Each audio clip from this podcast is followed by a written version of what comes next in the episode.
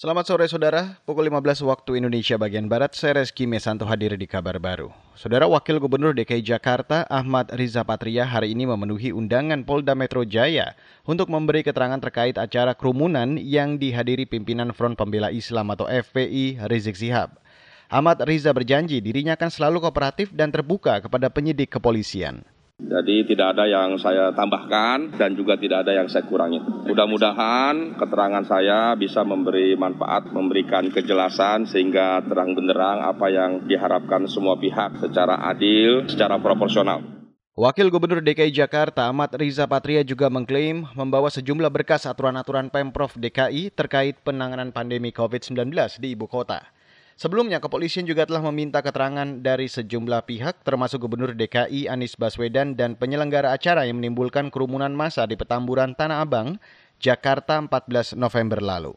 Kita beralih ke informasi selanjutnya. Ada satu aturan yang dinilai memberatkan terkait upaya penerapan pembelajaran tatap muka di sekolah, yaitu larangan para siswa menggunakan transportasi angkutan umum untuk pergi ke sekolah. Informasi selengkapnya akan kami hadirkan bersama reporter radio jaringan Musyafa dari Radio R2B Rembang. Musyafa. Sejumlah sekolah di Kabupaten Rembang, Jawa Tengah menghadapi kendala ketentuan siswa dilarang menggunakan angkutan umum saat berangkat maupun pulang sekolah selama pandemi COVID-19. Seorang kepala SMP di Kabupaten Rembang, Ngadiono, menyatakan sebenarnya kalau dari sisi persiapan sekolah sangat siap untuk menjalankan standar protokol kesehatan. Hanya saja ratusan siswanya banyak pula berasal dari desa-desa di puncak pegunungan. Mereka saat berangkat maupun pulang sekolah naik kendaraan pickup. Orang tua siswa belum bisa antar jemput karena terbentur pekerjaan sehari-hari. Ya, sementara murid kami yang tersebar dari uh, pelosok mulai ada yang dari Candi Mulyo atau Pacing Olahan, Ban-Ban rata-rata itu berangkat sekolahnya itu naik angkutan umum itu yang jadi kendala kami. Ngadiono, seorang kepala SMP di Kabupaten Rembang. Ngadiono menambahkan sebenarnya guru maupun siswa sudah lama menghendaki dimulai pembelajaran tatap muka, apalagi sistem pembelajaran daring atau online yang sudah berlangsung sejak bulan Maret sampai dengan November ini dianggap kurang efektif dan memicu kejenuhan siswa.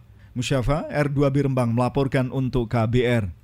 Kita beralih ke informasi dari luar negeri, Saudara. Organisasi Kesehatan Dunia atau WHO khawatir mengenai potensi jadinya gelombang ketiga pandemi COVID-19. Gelombang itu diperkirakan akan menyerang Eropa pada awal tahun depan.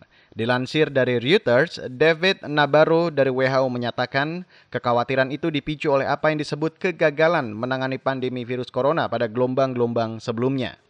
David menilai Eropa cukup tertinggal dalam pembangunan infrastruktur dan protokol kesehatan penanganan COVID-19.